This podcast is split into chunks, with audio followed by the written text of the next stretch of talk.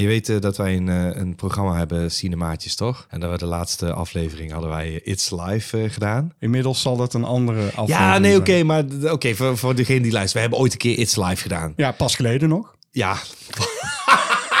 Penis.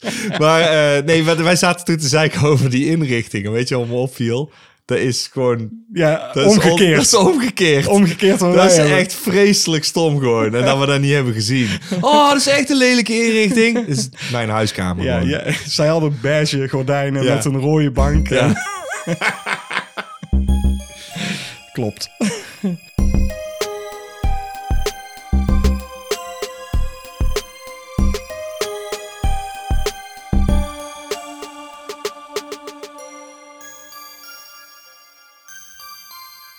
JP, ik wil even voordat we echt beginnen zeggen dat dit De vijfde aflevering is van het derde seizoen van Cinepraatjes, de podcast van Cinemaatjes. Tegenover mij zit Jean-Paul Arends. En tegenover mij zit William van der bijna 50 jaar voort. Ja, je herkent mij nog wel dus. Ik herken, ja, het is, oké, ik ga niks zeggen. Dan moet je gewoon kijken naar Cinemaatjes. Ja, het is onherkenbaar bijna. Hij heeft zichzelf eh, zwart gesminkt. Ik weet niet waarom. Oh maar- man, nee jongen. Oh, dat moet je niet zeggen. Dat is echt stom.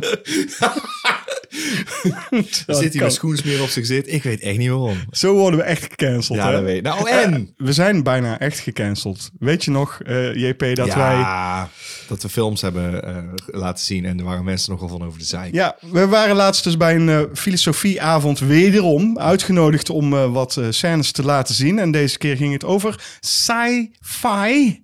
En toen hadden wij besloten om eh, science fiction films uit de jaren 70 eh, eens onder de loep te nemen. En dan met name de utopische, dystopische films. Ja, dus eh, Silent Running moet je dan aan denken. Je moet denken aan Rollerball. Je moet denken aan Zardos en A Boy and His Dog. En Soylent Green. En Soylent Green en dat soort films. Nou, die films hebben we allemaal scènes van laten zien. In een aantal van die films viel ons gewoon op dat ze vrij vrouwonvriendelijk waren. En dat hebben wij eruit gepikt op de een of andere manier. Eh, ja, we begaven ons een beetje op glad ijs. eh. Ja, het, het was, de zaal viel ook echt stil na iedere scène. maar ik vroeg nog aan jou van tevoren van misschien moeten we een ruimte bieden voor vragen of vingers Ja. na, na iedere scène. Nee, nee, dat, is- dat was niet nodig.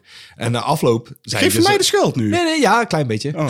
Want wat, wat, mij overkwam, wat mij overkwam was niet gaaf. Nee. Ik, ik vroeg nog van, eh, na afloop van, zijn er nog vragen? Niemand. Ik dacht, niemand. Nee. Nou, op een gegeven moment, eh, wij zitten nog even na te borrelen. En ik eh, ga heel even naar de wc. En ik werd echt gecornerd door iemand die zei... Ja, maar ik wil er toch eventjes... eh," Die kwam even een verhaal halen voor de scènes die wij hadden getoond. En toen kwamen er nog twee vrouwen van de wc af. Ook dus eerst een jongen. En die ging mij heel even vertellen hoe we het beter moesten doen. Ja, en hoe moesten we het beter doen? Nou, we hadden misschien van tevoren moeten zeggen dat die scènes schokkend waren. Ja, nou, het punt is gewoon, wij hebben die films niet geregisseerd.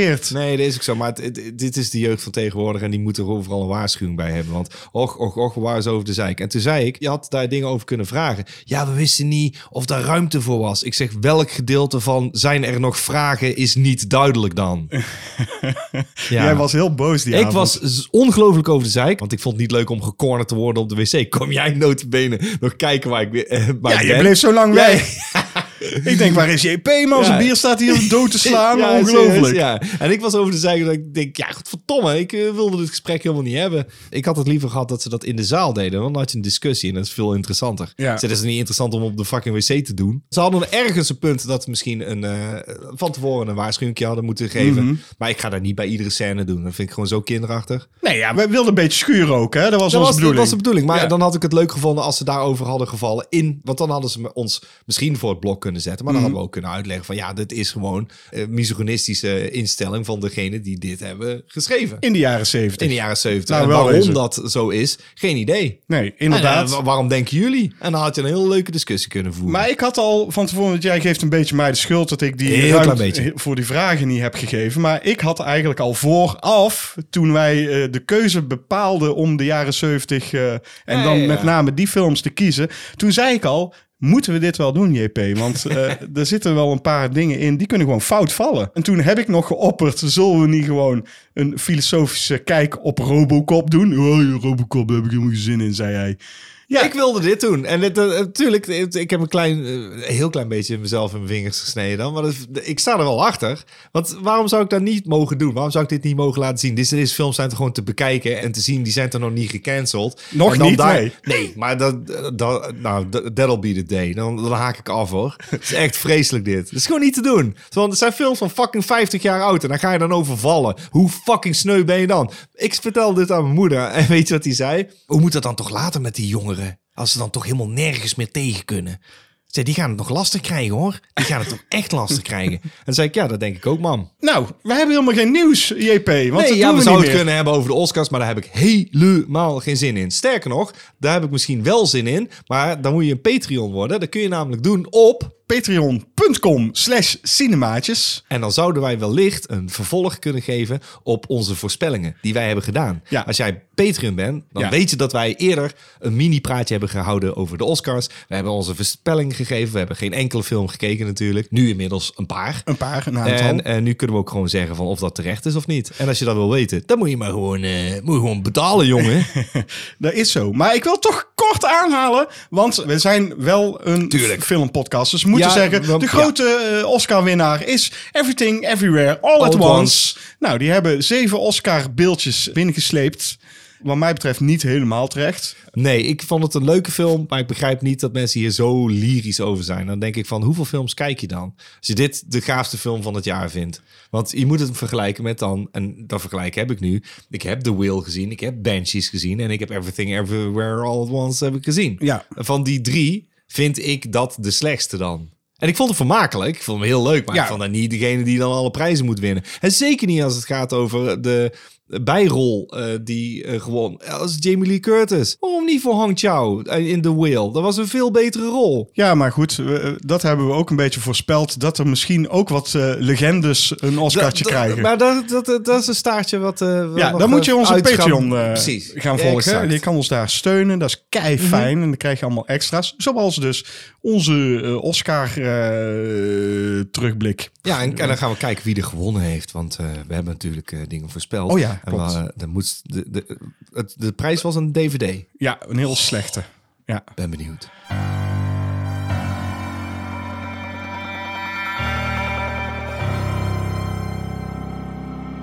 Wat heb je nou in godsnaam weer gezien?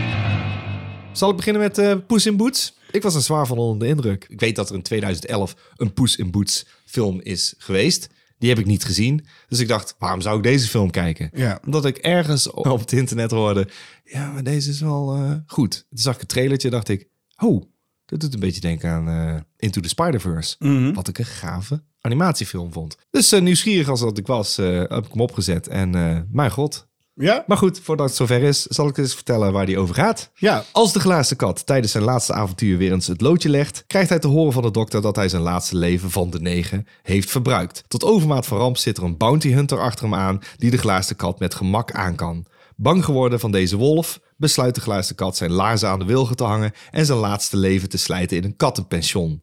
Al snel wordt hij gezocht door Goudlokje en de drie beren die op zoek zijn naar hem. Ze willen hem namelijk inhuren om een speciale kaart te stelen van Jack Horner. En Jack Horner is ook een sprookjesfiguur. Little Jack, maar hij is inmiddels big. Het is een hele grote, grote schurk en die heeft eh, allemaal artefacten eh, verzameld van alle sprookjes. Waaronder een speciale kaart die leidt naar de laatste wensster. En als je die weet te vinden, dan mag je een wens eh, doen. Eh, Ik voel de- hem bijna al aankomen. de glazen kat, eh, die eh, inderdaad zijn hele leven al heeft opgegeven, eh, die denkt: kan ik negen nieuwe levens eh, wensen? Precies, die voelde ik aankomen. Ja, eh, nou, samen met een als kat vermomde chihuahua en zijn ex-vriendinnetje trekt hij eh, ten strijde. Ja, het is een race tegen de klok om die kaart te bereiken. Oké. Ik weet even niet meer. Die Puss in Boots, hè, die komt als eerste voor. Is dat gewoon in Shrek of in 2? In deel 2 Deel 2 van Shrek. Antonio Banderas deed dat. is nog steeds Antonio Banderas. Dat wou ik vragen. Oké, en eh, die, eh, er was dus eerder al een andere Puss in Boots film. Dat weet ik ook nog wel. Alleen die heb ik toen ook niet gekeken. Ik heb de Shreks wel gekeken. Er zijn volgens mij drie delen van. Ja. Die heb ik alle drie wel gezien. Vier zelfs. Oh ja, nou, Ja. ik heb er drie van gekeken. Ook met name omdat mijn zoontje toen in die leeftijd was dat hij dat soort animatiefilms keek. Hij vond Shrek ook wel echt leuk. Ja, En ik ook, moet ik ja eerlijk er zeggen. zitten hele leuke grappen in. Het werkt ook allemaal. Alleen het is niet opzienbaar aan de animatie. En het is realistisch. Maar ik heb het altijd iets te vloeiend gevonden. En voor Puss in Boots hebben ze nu gekozen voor volgens mij 12 frames per seconde. De eerste film die dat trouwens deed was eh, Peanuts, de, de movie eh, de, van 2015 geloof ik. Ja. Die eh, animatiestudio is inmiddels over de kop. Dat is Blue Sky Studios volgens mij. Die hebben dat als eerste gedaan. Want iedereen zegt elke keer, oh, Into the Spider-Verse. Maar dat is niet de eerste animatiestudio die het deed. Toegegeven, dat werkt. Eh, Het is kalmer voor je ogen. Want als je 48 frames per seconde, dat is meer hoe mensen bewegen. En dan krijg je een soort vloeiende beweging die niet helemaal past bij tekenfilmfiguurtjes. Die natuurlijk heel snel en hyperactief moeten kunnen bewegen. Ja. En kunnen stretchen en zo. Dat is heel leuk om naar te kijken als je dat eh, op een vlotte tekenfilmachtige manier kan doen. In hoeverre is deze tekenfilm, hè, want het is een tekenfilm of animatie moet je dan Animatie, zeggen. ja. Goed, in hoeverre is dit daadwerkelijk voor kinderen of eh, in hoeverre kunnen de ouders daadwerkelijk ook meekijken? Zeg Ik maar? denk dat de ouders makkelijk mee kunnen kijken, want het verhaal is boeiend genoeg. En er zullen grapjes in zitten die voor ouderen misschien beter te begrijpen zijn. En ook onderwerpen die voor ouderen beter te begrijpen zijn. Eh, ze hebben het over, eh, het, weet je wel, de dood. Want dat is naderend voor, voor eh Poes in Boots. Ja. Van wat ga je nog doen dan als je weet dat dat je laatste leven is? En, en wat heb je ervan gemaakt? Het zijn allemaal hele volwassen thema's die ze aankaarten. Maar dan verpakt in een wervelend avontuur waarvan ik dacht... wauw, oké, dat is iets wat Pixar eh, de- van de laatste jaren... die zouden hier alleen nog maar van dromen. Maar wat is er dan eigenlijk mis met Pixar momenteel? Ik weet niet, die laten op een of andere manier... Ik zeg niet dat alles slecht is, ik vind het allemaal leuk... maar die laten op een of andere manier toch steekjes vallen. Ik denk dat ze een beetje door hun materiaal heen zijn. Omdat ze, eh, toen ze begonnen hadden ze natuurlijk een hele shitload aan, aan goede ideeën. Ja. En de laatste tien jaar is het een beetje hit en miss, moet ik zeggen. Wat ik al een keer heb gezegd eh, in de podcast... is het is elke keer een wereld. Ja, En dan zit een beetje in... Ik zeg, hoe vaak kun je dat doen? Ja, je kunt er ook gewoon iets, weet ik veel, eh, verzin gewoon iets wat beklijft. Dan ligt het aan de karakters die je introduceert. Ik denk dat Poes in Boots dat heel goed heeft gedaan. ja, maar officieel gezien is Poes in Boots ook een sprookjeswereld. Ook een wereld natuurlijk. Mhm. Ja, maar, die hoef je niet te bevestigen. Dus je zit niet de hele tijd met, oh, dat moeten we nog even uitleggen. Nee. Want dat is duidelijk. Zo'n, oh ja, ik weet wie de glazen kat is. Hij is een avonturier. En dat wordt ook in de eerste scène vastgesteld. Dan denk je, oké, gaaf. En wat ik ook leuk vind, is dat de animatie shift elke keer. Het begint dus inderdaad zoals je het traditioneel gewend bent. Van die oude animatie. Beetje semi-realistisch. Ja. En dan valt het nog niet helemaal op. En op een gegeven moment wordt die steeds gestileerder. Dan is het in één keer de framerate van 48 toch terug naar 12. En dan komen er actielijntjes en zo bij. Eh, ja, het, het is gewoon waanzinnig gedaan. En het werkt 100%. Je zit naar iets te kijken waarvan je denkt... ja, ik ga hier helemaal in mee. Ik zit naar goed gechoreografeerde actiesequenties te kijken... die spannend en gaaf zijn. Dat je echt gewoon denkt na afloop... wauw, dat is een tekenfilm, hè? Ja, een dikke aanrader voor mij. Ik, eh, ik was eh, zwaar van onder de indruk. En hij heeft bij de Oscars niks gedaan natuurlijk... want hij moest het afleggen tegen Pinocchio. Ah, verklap je het. Ja, ja nee. maar goed, nee, ja, een klein beetje zullen wel eh, de Oscars doorheen laten sijpelen. Ja, ook wel een beetje te voorspellen was dat, dat Nogal. Pinocchio zou gaan winnen. ja, maar vind niet helemaal terecht. Goed, zal ik dan eens vertellen wat ik nog gezien heb, JP? Heel erg graag. Nou, dit is heel makkelijk eigenlijk te voorspellen. The Last of Us, laatste aflevering. Eh, ja, heb ik wel gezien, maar daar ga ik nou nog niet over. Nee, graag, want die heb ik nog Oh. niet gezien. Ik heb de vorige podcast beloofd dat ik, ik... ik wou zeggen, ik heb de vorige podcast bekeken. Die heb ik ook bekeken. Maar ik heb beloofd in de vorige podcast dat, eh, naar aanleiding van de zombievraag die we kregen, dat ik naar... Oh eh, nee, dat meen je niet! Ja, tuurlijk. Ja. Oh. Ik eh, zou One Cut of the Dead kijken. Nou, dit wordt spannend, dames en heren. En- Hoe William zich eh, door dit plot heen gaat knauwen... zonder dat hij iets weggeeft. Ben heel benieuwd. Ja, nou kijk, als je het plot beschrijft, hè, eh, waar die film over gaat. eh, Ik mag best wel iets erover zeggen, denk ik. Mhm. Ja. Alleen, ik moet oppassen. Dit is wat ik erover over heb opgeschreven. Ik ben zo benieuwd. Waarvan ik denk, dit geeft heel weinig Heb je iets weg. opgeschreven? Ja. Maar zeg je al tegen mij dat ik dat niet mag zeggen? Oké, dit is wat ik... Nee, nee, nee, nee. Nee, nee, nee, nee. Jawel, nee, nee. Dit is nee. wat William erover heeft opgeschreven. Go. Wanneer een regisseur en zijn filmploeg een low-budget zombiefilm opnemen in een verlaten fabriek, loopt het echt uit de hand wanneer ze worden aangevallen door echte zombies. Punt. Daar hou ik het bij. Ik heb beloofd in de vorige podcast dat ik ga proberen er zoveel mogelijk over te zeggen. Nou, Ja. daar gaan we dan als eerste. Het is een eh, low-budget zombiefilm. Mhm. Dat kan ik erover zeggen. Dus eh, waar de film over gaat, dat is het ook. Ja. Eh, het is een low-budget zombiefilm. Hij is gemaakt voor, Een appel en een ei. Nou ja, dat zijn dure appelen en eieren, maar 25.000 dollar. Dat is echt heel weinig Dat geld. is echt belachelijk weinig. Dat voor, echt voor, wat je, voor wat ze daarmee hebben gedaan, denk je, daar zakt je broek dan toch vanaf. Ja, wat ik er ook over kan zeggen is dat het een Japanse film is. Mhm. Hi. Dus eh, daar moet je ook rekening mee houden als je die opzet. De film die opende in een kleine bioscoop in Japan voor slechts zes dagen. Dat Oh. weet ik erover te vertellen.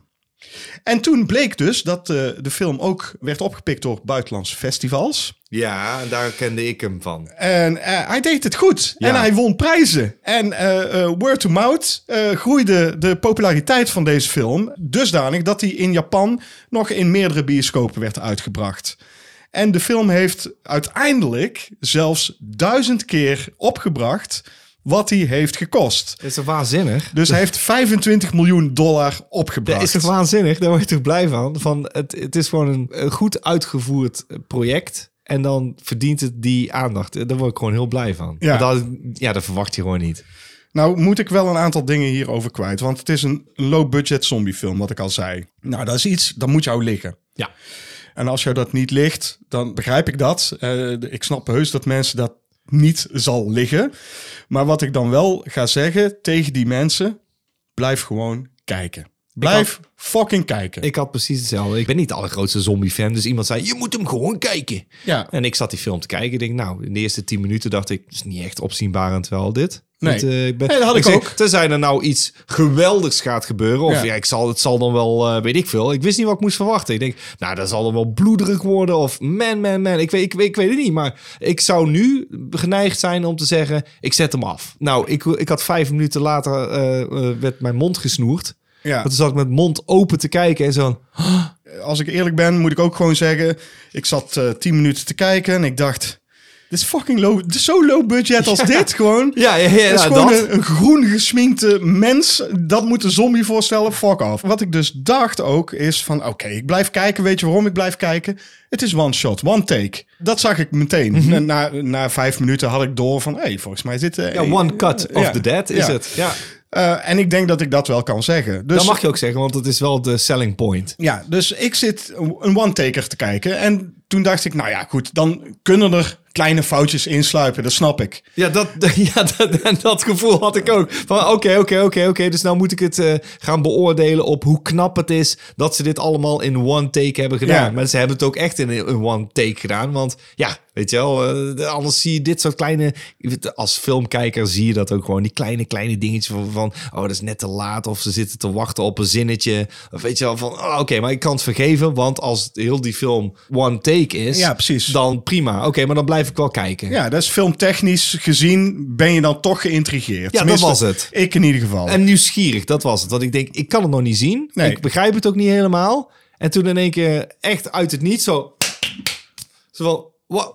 Huh? ja. Hè? ja, dus Huh? is 37 minuten Huh? is dat. Dan, Ja, zo. Huh? Ja, Huh? dan, dan denk je inderdaad, what the fuck gebeurt hier? Daarom zeg ik ook, blijf fucking kijken. Kijken, ja. Blijf echt kijken. Want als je niet blijft kijken, dan mis je echt iets fantastisch. Ja, gewoon. dat is het ding. Daarna wordt hij namelijk zo gaaf. En dan Ja. geloof je gewoon niet. En dan kan je ook niet aan mensen vertellen. En als je hem hebt gezien, dan weet je dit. Eh, Zo'n geheim clubje kun je dan vormen. Van mensen van, oh ja. Maar het is gewoon heel clever geschreven. Ja. Het is een, een horrorcomedy. Dat kan ik ook nog wel zeggen, denk Ja. ik. Wat ik ook kan zeggen is dat hij in totaal eh, heeft het acht dagen geduurd om hem op te nemen. En dit is misschien wel een van de betere zombiefilms. En dan doe ik dit. Tussen aanhalingstekens. Ja, waar je zou kunnen vergelijken. En dat is dan voor de mensen thuis. Als ze denken van, ja, ik hou niet zo van zombiefilms. Als je Shaun of the Dead leuk vond, Ja. dan kun je One Cut of the Dead ook wel een kans geven. Ja, want dan zou je inderdaad nog... Ik weet dat mensen dan afhaken en zeggen... Ja, ik kan niet zo tegen dat bloed en dat geweld. Nou, dan kan ik je geruststellen. Zo heftig is dat allemaal niet. Nee. Dat weet, daar weten ze heel mooi omheen te knippen. Zonder dat het storend is. Dus van, hij spreekt hierdoor een breder publiek aan. Ja. Hij is overigens, eh, hij komt uit 2017. En de film is overigens geremaked in Frankrijk in 2022 volgens mij, vorig jaar. Die heet Final Cut. De le mort. Nee, Final Cut heet die. Oh. Eh, of Coupé, eh, zoals ze dat in eh, Frankrijk eh, zeggen. Maar ja, verder durf ik er eigenlijk niet veel meer over te zeggen dan... Blijf kijken! Blijf gewoon kijken! Blijf gewoon kijken. Je moet gewoon blijven kijken. En als je het niet gelooft, blijf toch kijken. Want je gaat op een gegeven moment denken... Ja, dan kunnen ze wel zeggen, die cinemaatjes, dat ik moet blijven kijken. Maar ik heb nou geen zin meer in. Blijf kijken, godverdomme. Ja, Heb jij nog iets gezien, JP? ik heb zeker nog iets gezien. Poltergeist. Is die uit 83 of zo? 82. Ah, kut. Nou ja, dat was het dingetje. Het is van 82 alweer. Ja. Oké. Ik was gewoon heel nieuwsgierig. Ik denk, ja, ik weet al hoe die loopt en hoe die gaat. Ja. Maar eh, nou, eens even kijken of die de tand destijds heeft doorstaan. Ja. En ik moet zeggen, ja. Wel, Want ik toch? was gewoon eh, aangenaam verrast. Nou, het verhaal is wel bekend, maar ik, ik- in een paar eh, regeltjes. Steven en Diane Freeling wonen in een nieuwbouwwijk van eh, Cuesta Verde in Californië.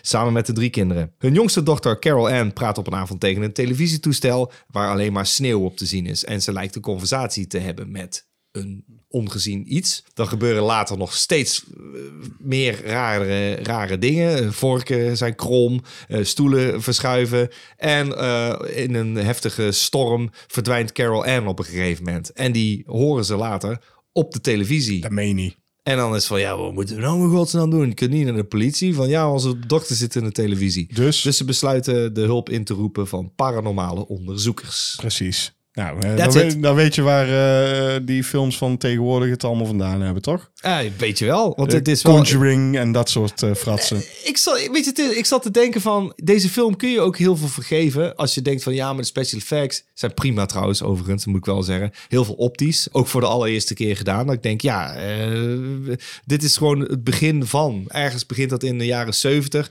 dat mensen opzienbarende special effects voorgeschoteld kregen. Dus nemen The Exorcist, Close Encounters of the Third Kind. En ik zeg eh, expres Steven Spielberg, want Steven Spielberg heeft hier wel degelijk een handje in. Deze heeft hij geproduceerd. Ja. Maar hij heeft waarschijnlijk ook scènes geregisseerd en dat is te zien. Maar ja, je voelt gewoon die Steven Spielberg touch. En in 82 zeiden ze ook, het is de summer of Steven Spielberg. Want hij had E.T. en Poltergeist. En die liepen alle twee natuurlijk storm. Want iedereen dacht, godverdomme, dat is een filmmaker die iets leuks doet. en dat klopt. Wat, wat, wat ik er nog over eh, weet, en ik, ik heb hem echt al heel lang niet meer gezien hoor, maar toen dacht ik, hij is helemaal niet zo eng als ik dacht. Nee, hij is helemaal niet eng. En want in het begin dacht ik echt van, oh, maar dat is fucking eng, man, dat meisje en, eh, en die televisie. En, maar dat is niet het engste gedeelte. Ik, we kunnen wel spoilers geven, denk ik.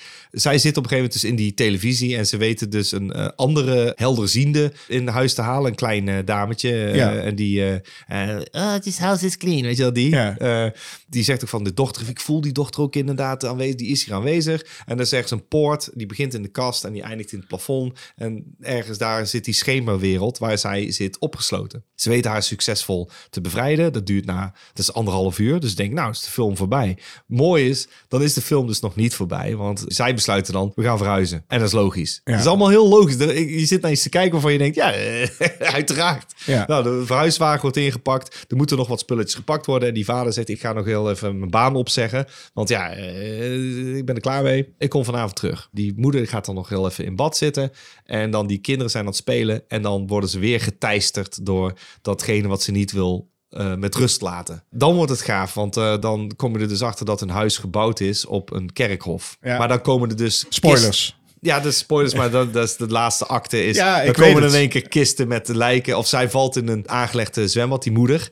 Terwijl ze in paniek is. Ik weet dan- dat nog, En dan komen er dus al die lijken. En dat was creepy. Toen dacht ik, oké, dit is goor. Dan denk je, ja, oké, dat is gewoon, dat wil je niet. Je wil niet in een water vallen waar allemaal oude lijken in liggen. Dat is goor. Tragisch is natuurlijk dat die Carol Ann, of zo, zo heet ze toch? Of, eh, ja, het, die is het- overleden. Het, meisje die is eh, inderdaad op jonge leeftijd overleden van- vanwege verkeerde medicatie. Dat is heel lullig. Want zij was best een goed eh, kindacteurtje. Ik vond het prima. Ik stoorde me aan niks. En ze is heel aandoenlijk. Dat je echt zoiets hebt van... Oh, zo'n meisje wil je als dochter... Echt zo'n engeltje. Ja. Die wil je als dochter. En ze is heel enthousiast. Enthousiast en ze is eh, heel eh, meegaand en zo. Ja, zij is in de derde film. Zij is in 1988 op 12-jarige leeftijd zij, eh, komen te overlijden. Zo jong. Maar hier is ze dus, weet ik veel, vijf of zes jaar oud. Ik herinner me nog scènes echt met die stoelen. Ja, dat is heel gaaf. Die vader komt op en hey, kom, kom binnen, kom binnen. En dan, ja, nou ja die, die stoelen scène sowieso vanaf het begin al helemaal geweldig. Ja. Als dit, dat meisje... Over die vloer heen gaat. ja, dat Ja, is. Ja, dat, dat die moeder heel even wegloopt en dat die stoelen in één keer opgestapeld Ja, staan. precies. En dat Ja. is in één take gedaan. Dus zij loopt weg en dan loopt ze terug en dan staan die stoelen Ja, dan moet op. eh, de allemaal. Ja, je, je, je, je hoort gewoon op de achtergrond de setdressers. Ja. En zo van, oh, oh, klaar.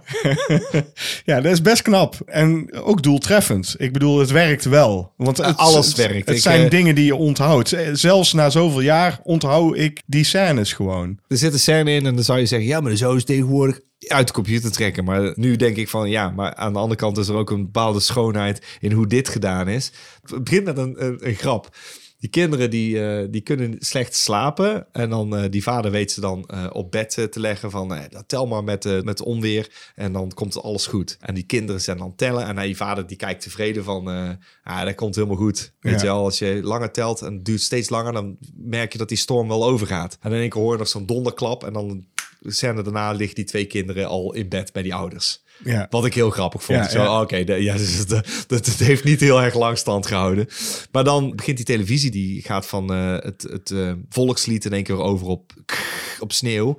En dan wordt zij wakker. En als zij dichterbij komt, komt er in één keer een hand uit die televisie. Die is geanimeerd. Oké, Het is gewoon getekend. Maar het is heel surreëel. Dat zou je mooier kunnen doen. Maar dan ben je dat surreële ook weer kwijt. Want dan is het gewoon een CGI-effectje. En nu weet je dat het geanimeerd is. Maar dat maakt het wel, ik weet niet, sprookjesachtig of Ja, zo. maar wat je ook weet, het is een tijdsbeeld. Ja. Het is een film uit begin jaren tachtig. Ja, dat was geen CGI. Ook dat hebben ze eh, met eh, hele ingenieuze wijzes weten te filmen. Die scène. Heel veel special effects zitten erin. Eén daarvan is een lamp die in elkaar draait en dan aangaat. En dat gebeurt voor hun ogen. Weet je wel, ze hebben dit allemaal separate moeten opnemen en dan moeten combineren. Ja. En eerlijk, als je het ziet, denk je, ja, dat werkt. Ja, maar dat is toch gaaf? Dat je vroeger ging je op zoek naar hoe, hoe gaan we dit kunnen laten zien? Ja, hoe gaan we dit en maken? dat straalt heel die film uit. Ja. Op alle facetten denk je, hoe gaan we dit doen? Hoe laten we die boom in één keer een jongetje grijpen Ja. uit een raam? Eh, die boom moeten we eerst eh, vaststellen. Dus dat is eerst een boom die ze gebouwd hebben. Waarschijnlijk van beton. En, en eh, dat moet lijken. Ja, eh, alle eh, special effects. Van, er is werk aan geweest om dit te maken. Van Ja, hoe- dat maakt het toch als vet? iemand zijn vlees van zijn gezicht aftrekt. eh, en dan zie je op een gegeven moment een eh, gezicht eronder. Ja, hoe doe je dat? Dat is vet. Als je tegenwoordig...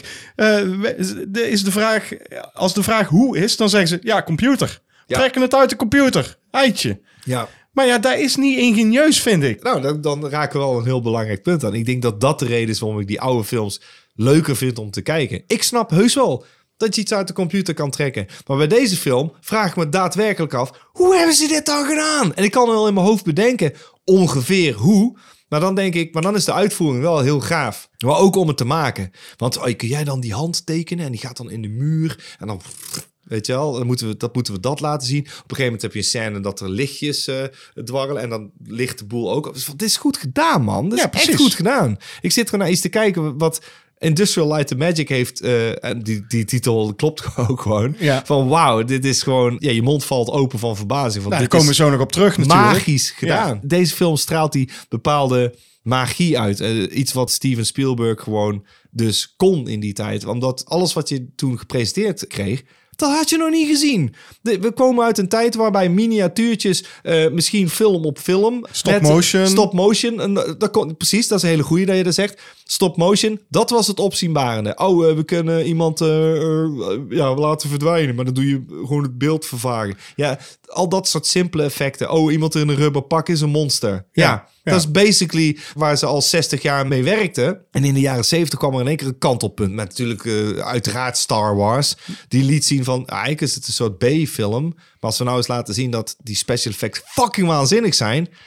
En dat en mensen waren gewoon verbluft van... Oh mijn god, heb je die ruimtegevechten gezien? Dat is niet normaal. Je bent normaal een, een, een, een ruimteschip aan een touwtje gewend. Nu zag je gewoon iets wat je nog niet eerder hebt gezien. En dat doet Poltergeist precies hetzelfde. Op een gegeven moment klapt dat huis in één. En toen zat ik alleen maar van... Dit is echt goed hoe, gedaan. Hoe, hoe? hebben ze dit Ja, gedaan? hoe? Ja. Ja, en, en En ik tegenwoordig... kan het wel bedenken, Ja. maar dat hoeft helemaal niet te zijn dat ze het zo hebben gedaan. Van, ja, dit, kan, dit kunnen ze op allerlei manieren hebben gedaan. Ik weet in ieder geval wel dat ze het niet uit de computer hebben getrokken. Ja, precies. En dat als je tegenwoordig je jezelf afvraagt hoe, dan kun je eigenlijk het antwoord zelf ook geven. Want dan weet je gewoon, ja, Ja. CGI. CGI is hoe ze het hebben gedaan. Ja. En in de meeste gevallen is dat zo. En dat is zonde. En, eh, Vind ik wel. Want je ziet dan niet meer eh, eh, het, het, de craftsmanship, zeg maar, eh, in het film maken. Ja, mee eens. Daarom, ik, ik heb met heel veel plezier naar deze film zitten kijken. En eh, ja, je zou... Nee, daar wil ik niet eens over vallen, want dat is onzin. Je zou, dan zou ik zeggen van, je kunt vallen over een vleermuis aan een touwtje. Ja, ik kan vallen over een vleermuis eh, aan een touwtje bij Dracula. Maar da- da- daar had ik bij Poltergeist geen last van. Ik zat meer vol bewondering te kijken dat het allemaal werkte. Ja, en dat is niet alleen maar als je een vleermuis aan een touwtje hebt, maar dat gaat er ook om hoe belicht je zo'n vleermuis aan een touwtje en hoe film je zo'n vleermuis aan dat touwtje. het niet lullig wordt. Als, Ja. en, op het moment dat het niet lullig wordt en je hebt een bepaalde sense of wonder, en dat is heel belangrijk, daar komen we nog op terug. Sense of wonder. Precies. Dan heb je mij. Ja, maar het is een, een, een samenwerking van, eh, van meerdere facetten van film maken. Mhm. Je kunt wel eh, alleen de special effects lui erop aanspreken als een special effect er niet goed uitziet. Maar als een special effect er niet goed uitziet, dan kun je ook de cameraman erop aanspreken. Dan kun je ook de belichter erop aanspreken. Zeker. Want iedereen heeft daarmee van doen, zeg Het, maar. het is iets wat Tom Savini altijd aanhaalde. Die zei dan, als hij bijvoorbeeld een, eh, een bepaalde moordscène... want daar stond hij bekend om, eh, Friday the 13th natuurlijk. Mhm. Dan zei hij van, ik wil het zo doen. En dan was hij ook degene die de regie in eh, handen nam. En hij zei, ik weet hoe mijn special effect het beste overkomt. Ja. Mhm. Want als jij het nu verkeerd belicht, dan faalt de illusie. Ja. Want hij noemde het ook een illusie. Precies, maar er is natuurlijk een, een goed voorbeeld daarvan. Is natuurlijk eh, Rob Bottin en Paul Verhoeven van eh, in Robocop. Eh, dat Rob Bottin zei: nee, je moet het zo doen. En Paul Verhoeven zei: nee, ik wil gewoon dat ze het goed zien. Dat ze, het moet goed belicht worden, niet donker. En. Rob Bottin zei: het moet donker, want anders zie je gewoon dat het nep is.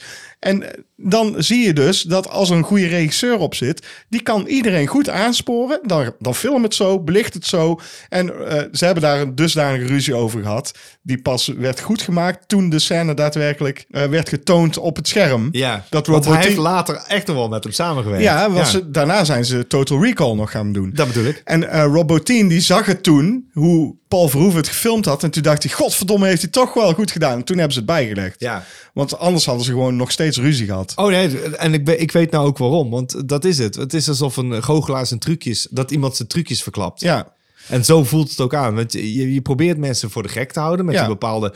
Ja, nogmaals, die sense of wonder. Van, "Hè, hoe hebben ze dat gedaan? Maar dat, dat hoe hebben ze dat gedaan was in de jaren 80, 70 jaren 80 was dat echt nog een dingetje. Van je gaat kijken naar een film en eh, je wilde getruckeerd worden. Ja. Je wilde gewoon voor de gek worden gehouden. Dat kan niet meer. Nee, maar dan moet dus een goede regisseur moet gewoon aansturen Ja. op een goede manier, zodat het gewoon er goed uitziet. En Steven Spielberg is daar een, gewoon een goede regisseur in. Zeker. Of was misschien. Daar komen we nog op terug.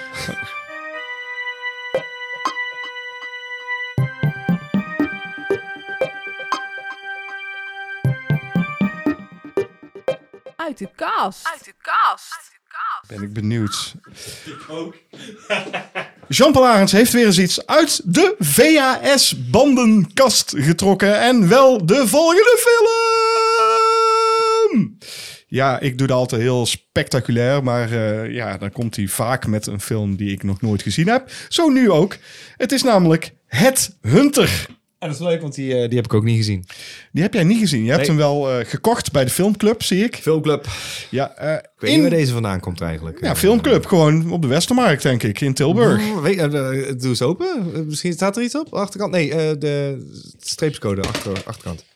Oh, er zit een briefje in. Dat meen je niet. Oh, wauw.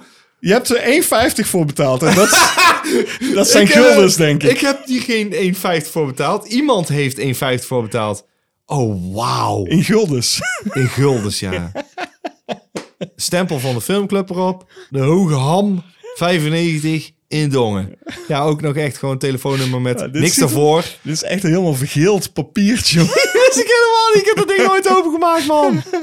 Waarom zou ik, weet je wel? Van, oh ja, is leuk. eh, Die zet ik in mijn kast. nou goed, een papiertje zit erin dus. Eh, het Hunter. eh, op de voorkant staat in de hel verwekt. Puntje, puntje, puntje. Dolend op aarde. Uitroepteken. De vleesgeworden duivel. Uitroepteken. Nou, Nou, dat zegt genoeg. Toch, het is een horror natuurlijk. Dat kun je wel raden. JP is een kast. Nou, het had ook porno kunnen zijn. Eh, zal, ik, eh, zal ik het gewoon weer Ja, eens, eh, lees maar weer eens voor. voorlezen? ik vind het altijd leuk. Misschien, eh, we hebben het alle twee niet gezien, dus we kunnen er heel weinig over zeggen. Maar ik kan er wel iets over voorlezen. Namelijk het volgende. In het Boston anno nu vindt een aantal gruwelijke slachtpartijen plaats. Anno nu is Ongeveer 1988, denk ik. ja, dat denk ik ook. Er vindt een aantal gruwelijke slagpartijen plaats. Zelfs de harde moordbrigade-rechercheurs Piet Giuliani en Kate Hall worden onpasselijk bij het aanschouwen van de slachtoffers van de, tussen aanhalingstekens, koppensneller. Op hun speurtocht ontdekt het politieduo dat de dader een levensgevaarlijk schepsel moet zijn. Moet zijn, hè? Die over bovennatuurlijke krachten beschikt. Ook dan nog. Ze raadplegen een expert op het gebied van zwarte magie. Die toegeeft dat de mysterieuze moordmachine heel moeilijk zal zijn te vernietigen. Wanhopig construeren Kate en Pete een plan om het noodlot te keren. Puntje, puntje, puntje. Onzeker over de afloop. Uitroepteken. Oh, dat is er eentje die niet plot helemaal eh, Nee, weggeeft. plot wordt niet eh, weggegeven. Eh, het is ontzettend lelijke hoes. Het is, ik zal hem beschrijven. We zien een rubberen, eh, waarschijnlijk de headhunter zelf. Een rubberen kop. Waarschijnlijk ziet het er op film eh, best goed uit. Hij heeft zo'n natte huid. Weet je wel, zo'n nat, nat rubber is dit. Hij lijkt een beetje op Freddy. Hij heeft eh, eh, scherpe tandjes. Als Dracula, dus eh, de hoektanden. Het is gewoon een heel lelijk voorkant. Het is gewoon je hebt hem nog nooit gezien. Ik heb hem waarschijnlijk wel gezien. En dan ben ik hem ook weer even zo snel weer vergeten. Zal ik even stiekem op IMDb kijken wat zo'n headhunter doet qua, qua, koppen sneller. qua punt? Ja, snap ik. Eh, 1988 staat hier uh, Cloaky. Ja, 88. Ik zie het hier ook staan. 1988. Het is niet het eh, jaar van de beste horrorfilms, kan ik je wel vertellen. Nee, hij heeft zowaar een 4,1. Oh, dat is niet goed dan, hè? Dat Dat weten we. is, dat is niet goed. Wij nee. weten uit ervaring dat dat niet goed is. Jij zegt het is niet het beste jaar voor horror. Nee, heel veel dingen na, ik denk halverwege de jaren 80. eh, natuurlijk ook vanwege de MPAA. eh, oh, dan, je mag heel veel dingen niet laten zien. Best wel kwalijk. Jammer, want eh, heel veel special effects mensen hebben daar een hoop werk in gestopt. En dan wordt er dan vrijwel allemaal uitgeknipt. Of het is allemaal heel ja, slecht. Nou, dan komen we wel bij special effects die dan niet werken. Want dat is heel vaak bij dit soort films. Is het werkt dan dus niet. Het, het ziet er dan te goedkoop uit. Ja, Dat is om, om de impact eh, minder erg te maken. Ja. Maar Dat, dat maakt die films ook gewoon slecht. Hellraiser is toch ook van een beetje van die periode, of niet? 87. Ja, dat zijn dus niet de beste. Dat is niet. Nou, Oké, met uitzondering van Hellraiser. Nou Hellraiser, ja. Maar het ligt er een beetje aan of ze zouden gaan voor een X-rating. Eh, En natuurlijk ook het videocircuit was ook enorm. Ja, Ja, maar goed, ik moet wel zeggen dat er zijn weinig films uit die periode waarvan ik denk, oh ja, halverwege de jaren 80 was echt het topjaar voor horror. Nee, ja, het, is een beetje een omslagpunt is het geweest. Ja. Want je had natuurlijk eh, eind jaren 70, begin jaren 80, dat was de, er waren de hoogtijdagen eigenlijk. Ja, het heeft ook te maken met straight to video. Omdat dan nu eh, productiemaatschappijen zeiden, ja, maar dan breng het maar uit op video. Maar dat is denk ik ook de reden. Want, Ja. want de video was ineens populair. eh, Midden jaren Ja. 80. Mensen gingen niet meer naar de bioscoop, want je kon thuis ook gewoon goed makkelijk dingen kijken. Oké, hoeft er niet veel te kosten. Breng het dan maar uit op video. Maar dat, dat, dat ondermijnde best wel een hele hoop, vind ik. Het is bijna hetzelfde als streamingdiensten. Dat zien we nu ook inderdaad met streamingdiensten. Ja, breng het maar uit op die streamingdiensten. En dan, en dan kun je denken van, ja, het is toch een goedkope film geworden. Ja, dat klopt. ja, dan ontbreekt er toch iets aan. Er is, zit dan niet die eindredactie op, zeg maar. Die zegt van nee, nog even knippen of nog even iets filmen om het even goed te maken. Ja, En dat ontbreekt er dan aan. Dan is het gewoon van, ah ja, het is af. Oh, is het af? Nou, dan mooi, kun je het uitbrengen. ja, zetten we het gewoon op de streaming. En eh, dat was dus met de videotheek ook van, oh, is het af? Nou, dan eh flikker het maar op een VHS-band. Ja, wellicht eh, halen we ons geld wel weer eruit.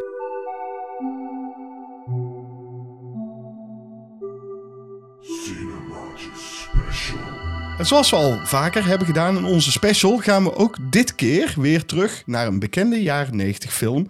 Om te kijken in hoeverre deze nog overeind blijft. Dit keer pakken we uit met een film uit 1993. Dat is er niet zomaar eentje, dus het is Nee. 40 jaar oud, hè? 40 jaar, oh, 30. eh. Het is dus 30 jaar oud, hè? Ja, je bent 50, dus ik, kan, ik vergeef het je. Het is een echte blockbuster. Zeker. Eh, van je welste. Van- Oh, en van, van de persoon die de term in principe eh, gelanceerd heeft. Ook dat nog eens. Ja. Kunnen jullie het al raden? Nou, Hè? het is namelijk Jurassic Park. Ook al bekend als JP. Die tegenover mij zit. Ja. en William van der Voort die tegenover mij. Eh, voor de mensen die Jurassic Park niet, Niet kennen. kennen. Dan weet ik niet onder welke fucking prehistorische rots je hebt geleefd. Dus voor de mensen die Jurassic Park niet kennen, hier komt hij. Paleontologen Alan Grant en Ellie Sattler en wiskundige Ian Malcolm behoren tot een selecte groep mensen die is uitgekozen om een voorproefje te krijgen van een attractiepark op een eiland genaamd Jurassic Park. Het park heet eh, Jurassic. ja, en het, eh, het eiland heet Isla Nublar. Goed, eh, zij mogen daar dus eh, een voorproefje krijgen. De baas, miljardair John Hammond, heeft samen met een groep wetenschappers uit DNA gevonden in muggen de prehistorische dinosaurussen weer tot leven weten te wekken. Oftewel gekloond. Gekloond. Gekloond, zo gezegd, zo gedaan. Zo gekloond, zo gedaan. Hij heeft eh, verzekerd dat het park veilig is, maar al snel komen ze erachter dat dit niet het geval is wanneer verschillende woeste roofdieren losbreken en op jacht gaan. En dat is Jurassic Park. Jezus. In een eh notendopje. Ja. Heel klein notendopje waar misschien ook wat DNA nog in zit. een amberkleurig eh, stukje ding. JP, ik ga even meteen zeggen dat ik denk, en daarmee wil ik de film niet eh, afschieten of zo, maar ik denk wel dat wij, eerlijk gezegd, te oud waren toen deze film uitkwam. Ik wel. Ik niet, ik was eh, 16 en ik vond het fantastisch. Ja, ik was 20. Ik vond hem ook fantastisch. Maar om andere redenen dan jij misschien. Werd je gepijpt?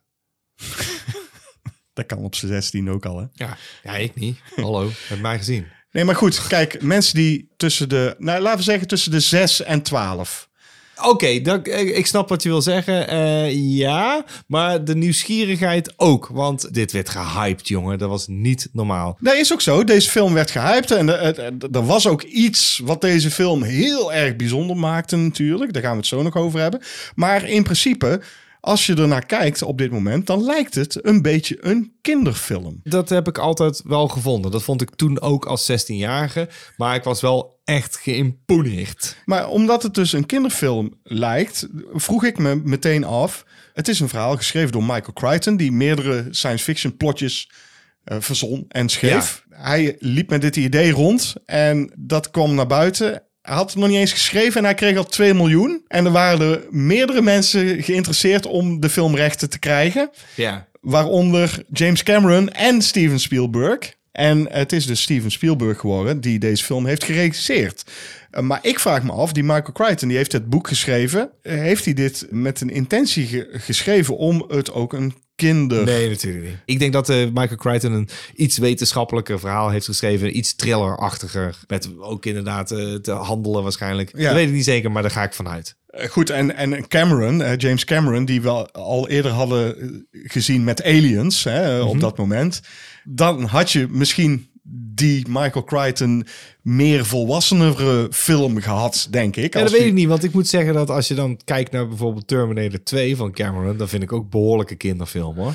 Nou, dat vind ik wel meer volwassener dan deze ja, film. Ja, dat klopt. Maar ook behoorlijk kinderachtig. Goed, neem niet weg dat dit nog steeds een hele goede film is. Ik denk dat het Ja. ook beter is dat Steven Spielberg het heeft gedaan. Ja, dat denk ik ook. Omdat het dan een groter publiek aanspreekt natuurlijk. Ja. Maar eh, er is dus een heel hoop publiek die dit als jeugdsentiment ziet. En voor mij is dat dus niet. Maar wat het me wel geeft, is die vibe uit de jaren tachtig. Het Zeker, geeft, het geeft ja. mij die vibe die ik bijvoorbeeld voelde bij Back to the Future. Wat Ja. voor mij dan jeugdsentiment is, snap Ja, je? ja, ja, dat snap ik zeker. Maar, het is voor mij ook jeugdsentiment. Maar dit is voor mij ook nog net wel jeugdsentiment. Dus ik weet dat ik ben gegaan en ik was ook echt... Nou, ik, ik wist niet hoe snel ik een poppetje moest kopen van Jurassic Park. En ik wist niet hoe snel ik een kopietje moest eh, trekken van die band. En Ik weet nog dat we die hebben besteld uit Amerika. En zo eh, had ik binnen twee weken al een videoband met Jurassic Park erop. Oké, ja. Ja, dus die heb ik heel veel gekeken met eh, Japanse ondertitels. Maar eh, ja, was ook opgenomen in de bioscoop gewoon natuurlijk met de cam. Het was gewoon een cam-versie, maar fuck it. Twee weken later had ik hem al op video. Ja, maar daar komt het niet over zoals jij het in de bioscoop nee, ziet. natuurlijk niet. Maar ik was al lang blij dat ik gewoon kon genieten van die special effects en van dat verhaal. Want dat vond ik dus wel gaaf. En dat is het, hè. De special effects van deze film zijn opzienbarend. Nog steeds. Die blijven wel overeind staan. Die blijven En- en die absoluut overeind staan. blijven ook overeind staan omdat ze waarschijnlijk gebruik hebben gemaakt van een wisseling tussen CGI en animatronics. Ja. En daarom werkt het. Dat is Ja. echt een hele goede keuze die ze hebben gedaan. Ja, Eh, absoluut. Het gave daarvan is, is dat je die film zit te kijken en je weet gewoon, hè, je weet dat, het, het- het- het- natuurlijk eh, super hard gehyped in marketing en alles. Je weet gewoon, we gaan dinosaurussen zien. Die gaan, Ja, dat die gaan we het. te zien Ja. krijgen. Je zit daarop te wachten en je zit te wachten en op een gegeven moment komt dan die scène dat je dan eindelijk die dinosaurus te zien krijgt. Ja, Je ziet gewoon de karakters in de film, de personages, zie je verwonderd kijken. dat is het ding wat het verkoopt. En heel de bioscoop keek verwonderd. Iedereen Ja. die die film kijkt, heeft hetzelfde eh, ervaring als de personages in de film. En dat werkt alleen maar omdat zij dat doen. Als zij er nonchalant op zouden reageren, dan als kijker denk je, wat zou het mij dan interesseren? Ja. En je ziet gewoon, je, je- het zijn wetenschappers en ze zijn zwaar onder de indruk van wat ze te zien krijgen. Perfect gedaan. En jij hebt ook zoiets van, "Oh, je mond Ja. valt open van verbazing. Ja, van, eh, en nog steeds dat ik denk, ja, ik weet wel dat het nu uit de computer is getrokken, maar dan nog is het zo magistraal in beeld gebracht Mhm. en groots. Toeg. En denk je, ja, ik zou ook gewoon denken van, je probeert je in te leven. Ja, en dan maar denk je, goed. wat zou je als wetenschapper doen dan op zo'n moment? Ja. Ja. je zonnebril afdoen en met je bek open sta je te kijken naar een brontosaurus. denk je, eh, wat? Oké, maar luister, jij keek die film toen je dus een jaar of 16, 16. was. Jij keek misschien verwonderd omdat jij een dinosaurus zag. Mhm. Ik keek verwonderd van, ik zie een dinosaurus. Hoe hebben ze de fucking dinosaurus in beeld kunnen brengen? Hoe hebben ze dat gedaan? Ik vroeg me dus af, hoe, hoe? Hè, Ja. wat, wat we net eh, met Poltergeist al bespraken. Hoe, Steve- hoe? Dat is een uil. Ja, hoe ga je dat? Hoe hebben, hoe hebben ze dat kunnen maken? In eerste instantie was Phil Tippett, hè, die wij hebben besproken met Mad Ja. God onlangs. Zijn eh, magnum opus, hè, zo moet ik het noemen, toch? Ja, ja, magnum opus. Grote stop-motion man is dat. Die hadden ze eigenlijk eh, benaderd hiervoor. Ja, van kun je, hij had een nieuwe techniek eh, verzonnen. Go Motion was dat. daar waar die dus Een beetje blurde, hè? blurde tussen de, de frames. En dat, dat konden ze dan doen. En dat zou dat vloeiender maken. Ja. Ik heb een vraag aan jou. Denk jij dat de special effects of het succes van de film, want daar was natuurlijk succesvol, dat kunnen we gewoon stellen. Denk je dat de film net zo succesvol zou zijn geweest als Phil Tippett wel stop motion had gebruikt? Eerlijk gezegd denk ik van niet. Ja, dat denk ik dus ook. Want ik denk... En dat wil ik niet zeggen, maar Nee. dat, ik, weet, ik, ik heb zoiets van. Ik weet al dat het lachwekkend was. Dat volgens mij heeft hij ook. eh, Die heeft Ed 209 heeft hij ook gedaan. En daar moesten wij toen al om lachen in 87 dat het stop motion was. Ja. Maar dat maakt voor Ed 209 niet uit, want dat is een robot en die moet koddig overkomen. Ja, dreigend ook wel, maar ook koddig. Je moet erom kunnen lachen. Dat moet bij die dinosaurussen niet. Bij die dinosaurussen moet je inderdaad, net zoals die wetenschappers, gewoon je zonnebril van je kop trekken en met open mond zo. Hoe? Wat ja, ja, hoe, hoe, hoe, hoe, hoe? Ja. Hoe hebben ze dat gedaan? Hoe hebben ze dat gedaan? Dat moet jouw reactie zijn en niet van, oh, ik denk dat dit stop motion is. Ik denk dat dat ook, nou, nou komen we zeker op een punt. Omdat het onderwerp van de film is, is dat ze dinosaurussen tot leven hebben gewekt. En dit een nieuwe techniek is om het te doen. Ook in de film natuurlijk, maar ook voor ons als kijker is dit de allereerste keer dat ze daadwerkelijk gewoon op zulke schaal CGI gingen toepassen. Ja, ja, klopt. En dat hadden wij nog niet eerder gezien. Dus dit is de eerste keer dat je het hebt gezien. En dan ben je verwonderd. Ja. Dat kun je niet meer repliceren. Want zelfs drie jaar later of vier jaar later, toen eh, het tweede deel uitkwam, was de impact nihil. Zo ja, dat hebben we nou al gezien. Ja, we weten nou, dat het kan. eh, we weten dat het kan. ja, precies. En die eerste keer was van, wauw! En dat heb ik nog steeds als ik dit kijk. Omdat ik weet hoeveel fucking moeite erin is gestopt om dit te bereiken. Ja, maar ik wil toch nog even terugkomen op Phil Tippett. Want hij heeft wel meegeholpen aan deze film. Zeker, en dat had ook nooit. Oké, dan hij heeft wel degelijk bijgedragen aan het succes van de film. Want eh, animatoren die eh, moesten dus die. eh, Ja, dan moeten we misschien nog even uitleggen. Er waren dus twee jongens die zeiden van... wij kunnen dit met de computer nog beter Ja. maken. In principe werd dat niet geloofd. Hè? Totdat eh, volgens mij een producer waar Steven Spielberg altijd mee werkt... die ging bij die jongens langs, hè, Ja. die, die daar toch mee bezig waren. Die zoiets hadden van, we gaan het gewoon proberen en we zien wel wat het wordt. Zij heeft dat toen gezien en zij heeft tegen Spielberg gezegd... ja, je moet echt gewoon gaan kijken wat die jongens hebben gemaakt. Want het is echt wonderbaarlijk. En dat is het ook. Alleen, zij waren niet zo goed in hoe, hoe doe je die bewegingen. En toen kwam Phil Tippett En en daar die hebben ze heeft Phil dus- Tippett... eh, Ja, en die heeft een soort, die maakt, die zou dan zeg maar een normale armatuur, dat is een soort metalen skelet van een, een pop. En daar kun je dan rubber overheen doen en dat zou dan de stop-motion ding worden. Wat hij heeft gedaan is sensoren daarop aangebracht, zodat hij het dus kan animeren zoals hij het normaal zou animeren als het stop-motion zou zijn geweest. Dus een uh, framepje voor framepje een, een, een, een pootje omhoog doen, een nekwervel omhoog, weet je wel, oh, een, een bek open en dicht. Maar dat konden ze dus doen aan de hand van sensoren. En die werden opgenomen op de computer. Dus hij kon ze laten lopen zoals hij geleerd heeft om ze te animeren. Ja. En zo ging het een stuk vlotter. Want dan was het van, oh, ik kan dit doen. Ik kan hem zo laten lopen. En dan kunnen we de beweging herhalen. Want die hebben we toch al opgenomen. Dus het verlichtte het werk. Maar ook voor de uh, realisme van de animatie. En dat weet je ook. Want in de jaren negentig probeerden sommige mensen ook dingen te animeren. Dat zag er altijd houtig en slecht uit. ja. En deze film heeft dat niet. Omdat ze dus professionele animatoren aan het werk zetten. Maar het succes van de film is niet alleen te danken aan de, de special effects. Nee. Het succes van de film zit hem natuurlijk in het strakke script. Ja. In de uh, karakters. Ja. Die allemaal werken. En dat verkoopt een verhaal. Maar zonder die karakters, zonder dat goede script, zonder die dialogen, zonder die one-liners, zou deze film het niet hebben gered. Ondanks het feit dat er misschien hele goede special effects in hadden gezeten, was dat het enige waar we nu over hadden kunnen praten. Maar we kunnen nu ook praten over dit geweldige script dat gewoon een tijdloos verhaal vertelt. Dat viel mij ook op, uh, is dat, dat deze film uh, loopt gewoon als een, als een zonnetje. Uh, ze, ze, laten er geen gras over groeien. Het komt allemaal over. Uh, zelfs de expositie hebben ze in volledige beweging gedaan. Toen Ja, dacht ik, ja, je kunt iemand laten uitleggen, maar dat kun je ook in beweging doen. Dus dat doen ze aan de hand van animatie. De, er gaat iemand op een gegeven moment een soort attractie in. En die attractie is onderdeel van de expositie natuurlijk, om jou duidelijk te maken. Hoe hebben ze dan die dinosaurussen tot leven gewekt? ja, dat laten we gewoon zien aan, het, aan de hand van de tekenfilm. Ze van, oké, okay, dan is dat niet saai. Want een, een mindere regisseur zou zeggen, oké, okay, dan, dan, dan zegt die ene persoon dat tegen die ander. Maar hier wordt er gekozen voor, nee, de camera moet in beweging blijven. Dus ze zitten in een soort attractie. Ja. Maar tegelijkertijd zijn ze aan het praten en uitleggen. Kijk, hier zijn de eieren. En zo komen ze eruit, want we hebben dat en dat en dat gedaan.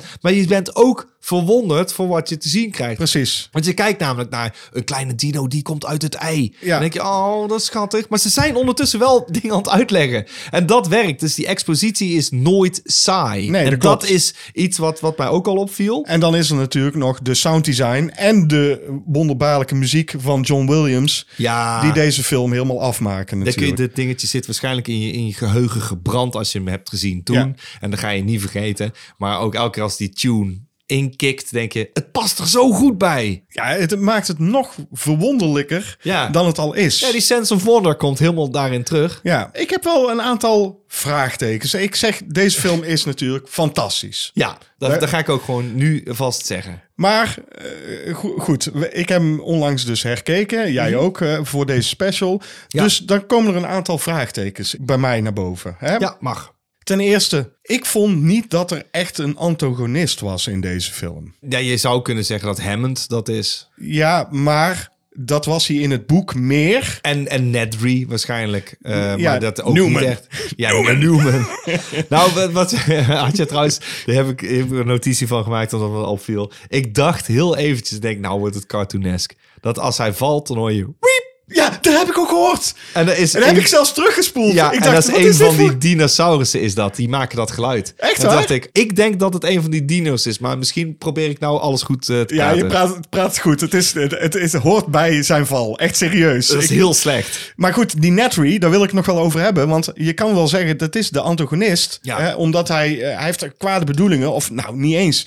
We, eh, hij, hij wil gewoon voor zichzelf iets gaan doen. Wat natuurlijk niet ten goede komt aan het park eh, Nee. van John Hammond. Alleen, wat hij doet, eh, hij, hij wordt gewoon slecht betaald. Hij wordt gewoon niet gewaardeerd. Dat vond ik sterk. Want dan snap je namelijk dat iemand dan heeft zoiets... hij motivatie. Dat is Ja. perfect. Ja, hij heeft die motivatie. Wat ik wel jammer aan vond, is dat hele verhaaltje wat hij doet. Hè, met die embryo's jatten. Want we mogen best spoilen in deze review. Ja, denk ik. ik denk dat iedereen na 30 jaar deze film echt al heeft gezien. Maar hij jat dus die embryo's. Daar gebeurt niks mee. Er het wordt die- opgezet en Ja. het, het krijgt geen payoff. Nee, die, En- die zie je op een gegeven moment in de modder verdwijnen. Ik vond dat jammer. Kijk, als dat in de modder verdwijnt, doe er nog iets mee. Je kan daar nog kunnen. iets mee doen. Misschien hebben ze gedacht van dit kunnen we nog terug laten komen in een vervolg. En ze hebben daar inderdaad niks meer mee gedaan. Want er is wel de nadruk op gelegd. En inderdaad, zoals je zegt, ze doen er niks meer Ze mee. doen er Maar niks mee. Is het dan voor een vervolg? En dat hebben ze niet gedaan. Maar dat had gekund. Oké, daar ben ik het mee eens. Ik vind dat echt jammer. Ik vind het een gemiste kans. En ik denk dat het misschien nog beter was geweest voor mij. Ook toenertijd. Want ik was gewoon al wat ouder. Ik was niet zo die dino-gek die alle dinosaurus wisten op te noemen. Eh, Zelfs dat jongetje. nee, zelfs hij wist het ook niet. Nee, dat nee. jongetje wist het ook niet. Oh, ik moet trouwens wel... eh, We gaan... we- we- Timmy. Ja, Timmy. Zo heet mijn pakiet. Ehm, ik, ik dacht één scène dat ik dacht dat eh, van vroeger van... eh, oh, die vond ik wel gaaf. En toen zag ik hem terug en dacht ik... Nee, die scène vind ik echt kut.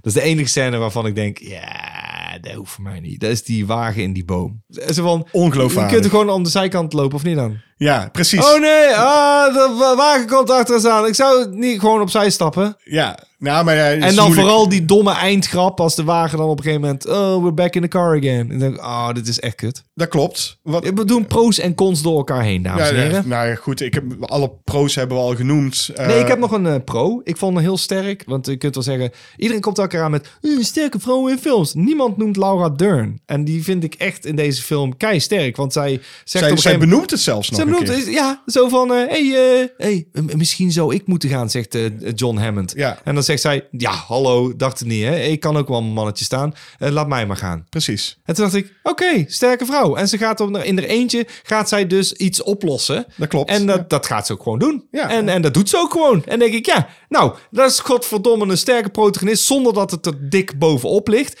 Je zou kunnen, zou je kunnen over, over kunnen vallen, maar dat doe ik niet. Omdat het gewoon past in het verhaal. Het past bij haar karakter. Zij is zo. Mhm. Ja. En zij wil niet gekleineerd worden door een oudere kerel. En dan denk ik, ja, nee, maar dan past het bij haar karakter. Prima gedaan. En, en niemand hoort erover. Sterke rol. Vond ik erg goed. Ja, vond ik ook. Dat eh, echt serieus heel goed gedaan. En ver voor eh Wokeness. wokeness, Ja. inderdaad. Ik wil het nog even over de John Hammond hebben. Hè? De, Mhm. de miljardair die dit park heeft opgezet. Maar hij had echt flaws. Daarom had ik hem liever, denk ik, als die antagonist gezien. De eerste scène van de film, waarin het dus al gruwelijk misgaat met die raptor. Dan kun je al denken van, oké, we zijn nog niet klaar om het open te gooien. Nee. Dat kun je dan denken. Toch doen. Eh, want we have no expenses eh, gespaard. Hè? Ja, ja, Zo. ja, Eh, maar dat heeft hij wel, want er zijn zoveel gebreken nog in dit park. Dat En wat- vond ik wel sterk trouwens. Hoor. Die scènes dat je erachter komt, niet alles is nog af dat klopt. in het park. Ja, Maar, maar dan toch hè, dat hij dan eh, wat mensen uitnodigt die paleontologen en, en een wiskundige zijn en, en een, eh, een, eh, een advocaat, Advocaat, ja. dat, dat begrijp ik nog wel. Ja. Maar dat hij zijn eigen kleinkinderen Dat was belachelijk. Dat staat helemaal nergens op. Maar dat maakt hem wel een evil bastard. Enerzijds wel, maar het einde verklapt het dan weer op een andere manier dat het dat niet is. Hij is niet die evil bastard. En zijn park heeft zoveel gebreken nog. En toch, eh, Hij Het- wil gewoon te graag. Dat is het gewoon. Dat snap Ja, ik. klopt. En wat ik ook heel raar vond, is wat doet die wiskundige, Jeff Goldblum? Hij is de comic relief. Zeker. Dat is ook grappig eh, in sommige gevallen. Ja. je denkt wel, nou, eh, hij is wel die comic relief die de film nodig heeft. Ja, zonder dat het irritant is. Want ik vind dat dat is gedecideerd. En daar hou ik wel van. Ja, precies. Maar wat doet hij daar? Hij is een wiskundige die zich gespecialiseerd heeft in de chaos-theorie. Ja. Ik weet niet of jij weet wat de chaos-theorie is. Het is blijkbaar dat een, eh, kleine afwijkingen kunnen grote desastreuze Ja, de gevolgen butterfly hebben. effect. Ja, ja, Dat, ja, precies. ja. Maar wat doet hij daar? Hij, hij is gewoon heel fijn eh, Jeff Goldblum. Hij is de sexy Jeff Goldblum. Hij is zeker sexy. Holy shit. Hey, ken je die meme? Ze hebben zo'n scène dat ze die Triceratops, overigens moet ik even genoemd hebben, die ziet er waanzinnig uit. En dan luisteren ze eh, naar de ademhaling. En dan ligt Ellen Grant ligt dan op die buik. Die hebben ze dus gememd dat hij dat die op die buik ligt van, van en dat vind ik zo gaaf. Die vind ik zo gaaf. Ik kan niks doen. Dat is te goed. Maar die animatronic is echt wel vet trouwens. Dat wou ik even zeggen. Die heb, ik heb die hier genoteerd. eh, geweldig. En die T-Rex idem dito. Want die T-Rex, die hebben ze dus levensgroot zo, zo I know, gemaakt. I know. Als je denkt, ja, maar waarom zou je dat doen als je het uit de computer kan trekken? Omdat ik dit geloof. Ik Ja. zit te kijken naar iets waarvan ik denk, dat is godverdomme, die komt met zijn kop dichtbij, hè? En die ramt tegen die ruit aan. Ook die beelden op van die scènes trouwens fantastisch. Ik vraag me nog af trouwens, JP. Zou jij het goedkeuren als de wetenschap dit zou kunnen? Als ze zoiets zou kunnen klonen? Want ik heb gehoord dat ze onlangs hebben ze inderdaad fossielen gevonden van dinosaurussen. Met daarin nog wat eh, bloedsegmenten. dus Ja. dan is het dus mogelijk om het te klonen. En ze zijn al zover hè, dat het kan eigenlijk. Ik zeg ja, en wel om deze reden. Als het dan toch gruwelijk misgaat, is het gewoon lekker onze eigen schuld. Ik vind het prachtig. Ja, maar dat is ook doen. een beetje het thema van Ja, vind ik film heel goed. natuurlijk. Ik wil gewoon dat, eh, dat het helemaal misgaat. En dat is gewoon helemaal onze eigen schuld. Van, had je maar niet moeten fucken. Want we hebben daar een film over gehad. En dit is het andere ding. Ik denk niet dat je het kan tegenhouden. Je, ja, ik heb dat liever niet. Ja, dan, dan gaan ze dat toch wel gewoon doen. En dan zul je dus een, een geflipte miljardair moeten hebben die daar dat geld in ja, wil nou, steken. Elon eh, Musk of, eh, of Jeff Bezos. Die zijn nu met de ruimte bezig. Nee, nee, nee, nee. Als ze horen van die dingen, dan denken ze... Oh, daar wil ik ook eh, een graantje van meepikken. Absoluut. Ik had ook nog een andere vraag. Deze film is gewoon, dat kunnen we wel stellen, die, nog steeds gewoon geslaagd. Maar de laatste jaren zou ik dan kunnen vragen... Is, is Steven Spielberg zijn vermogen om een sense of wonder over te brengen kwijt? Of zijn wij als publiek dat? Waarom werkt dat nu niet meer? Omdat je gewoon, nou, d- daar hebben we al eerder gezegd, vanwege die special effects, eh, je verwondert je er niet meer over. Daar hadden we het bij Poltergeist natuurlijk over. Maar je verwondert je niet meer, omdat je weet dat het uit de computer getrokken eh, is. Dat vind ik eh, kwalijk. Dat vind ik jammer. En ik ben blij dat wij dus nog wel... Nou ja, dan zou je kunnen zeggen, alles voor, voor een bepaalde periode is gewoon leuker om te kijken. Want dan kun je afvragen, hoe hebben ze dat in godsnaam gedaan? In plaats van dat je kan afvragen, het is uit de computer getrokken. Nee, maar Steven Spielberg is gewoon wat luier. Hij is wat ouder. Hij, hij, hij neemt die risico's niet meer. Mhm. Ik bedoel, kijk naar Robert Eggers, die met The Lighthouse denkt van... ja, hoe hebben ze dat gedaan? In godsnaam, hoe zouden ze dat in de jaren 30 hebben gefilmd? Dat ga ik ook zo doen. Die Ja. neemt die moeite nog, weet je Ja, wel? dat vond ik zo noemenswaardig. En dat- je kan dan ook kiezen van, ik trek het uit de computer. En dat is wat Steven Spielberg nu denkt van, ja oké, dan trek ik het wel uit de computer. Maar hij had ook bijvoorbeeld bij eh, Ready Player One, had hij ook kunnen zeggen... Nou, zo'n achtervolgingsscène. We gaan gewoon New York even platleggen, een paar straten. En we gaan daar gewoon keihard filmen. Met een paar filmauto's. Ja, Spectaculair. en dat heeft hij niet gedaan. Hij trekt het gewoon uit de computer, want het kan nu uit de computer getrokken worden. Ja. En hij is natuurlijk met deze film, Jurassic Park, is hij ook de grondlegger van we trekken het wel uit de computer. Dat klopt. En daarom is het ironisch dat die film voor mij dus gewoon niet werkt. Want ik snap heus wel dat het een virtuele wereld moet zijn. Maar dat maakt het ook meteen niet aantrekkelijk. Gewoon, ja, dan, dan is ja, het is uit de computer. Dus dan, dan is het een excuus van het is maar die virtuele wereld. Nee, want in het boek staat ook dat dat gewoon als echt moet overkomen. Nou, dat idee had ik totaal niet. Nee, dat had ik ook niet. Maar dat, ja, dan hebben we het over Ready Player One. Ja, dat klopt. De- Maar- dus we zijn er wel een beetje rond, denk ik hoor. We zijn hartstikke rond. Maar hij heeft inderdaad, eh, omdat hij de grondlegger is van we trekken het wel uit de computer, is denk ik ook dat hij dat nu nog steeds doet. Dat hij denkt van, dat is succesvol gebleken met Jurassic Park. Ik denk dat hij ook meer vertrouwen heeft in de mensen die die computer dingen maken. Maar je raakt de ziel van de film kwijt. Daar ben ik het mee eens. En, en, en met animatronics in combinatie met CGI heb je die ziel nog steeds. We zullen zien hoe dit gaat. Life finds a way, JP. Inderdaad. Vragen, vragen, vragen. Je kunt het aan ons vragen in de vraagbak. De eerste vraag is van Paul Kop Malblart. En dat komt omdat hij die vorige keer al heeft gesteld. En toen hebben wij hem verkeerd geïnterpreteerd. Dus nu gaan we hem andersom doen. Want hij stelde de vraag... Over welke film zijn jullie na hem nog een keer gezien te hebben... radicaal van mening veranderd? En die vraag hebben we de vorige keer hadden we het zo gedaan van... We vonden hem goed en nu vinden we hem slecht. Maar hij kan dus ook... eh, Andersom. Andersom. En Ja. eh daar gaan we nu Moeilijker trouwens, moet ik wel zeggen. Want Wat- ik had er heel ook. veel moeite mee. Ik Ja. ook. Eh, maar eerlijk is eerlijk. toen ik de eerste keer The Witch van Robert Eggers keek... en we hebben het net even Oh, over goeie. Eggers gehad... Ja. toen was ik niet onder de indruk. En dat kan zijn omdat ik niet op het juiste moment deze film keek. Dat ik niet in de juiste stemming was om deze film te kijken.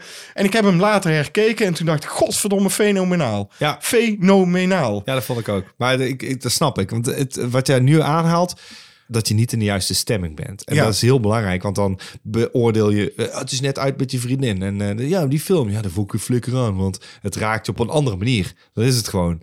Ik heb er heel lang over na zitten denken. Ik had ook eerst opgeschreven geen als eerste reactie van... ik heb geen idee.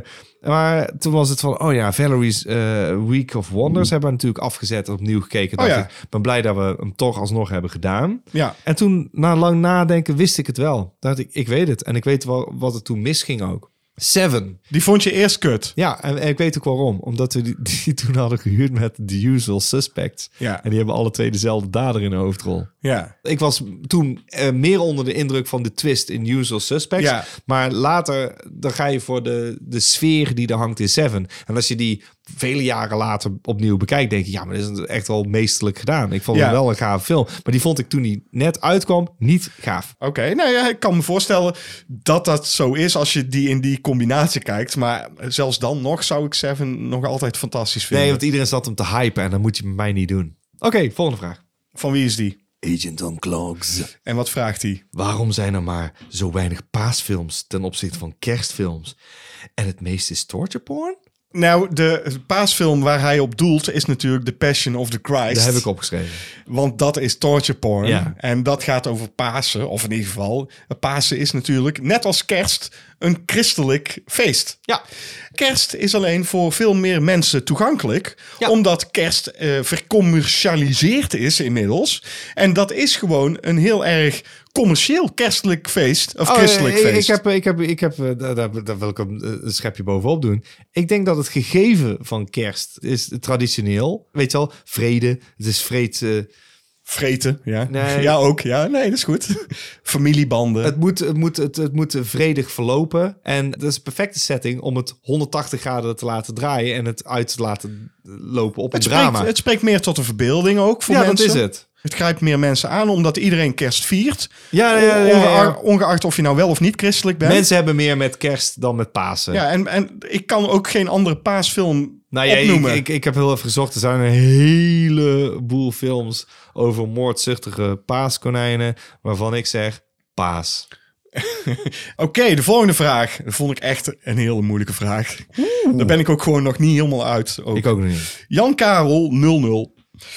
Goeie vraag dus dit. Dat Ja. moet ik wel zeggen. En wij gaan daar vast niet heel goed antwoord op geven. Ik ben benieuwd wat, trouwens wat jij hebt. Misschien is dat wel beter dan wat ik heb. Nee, ik heb eigenlijk geen antwoord. Maar goed.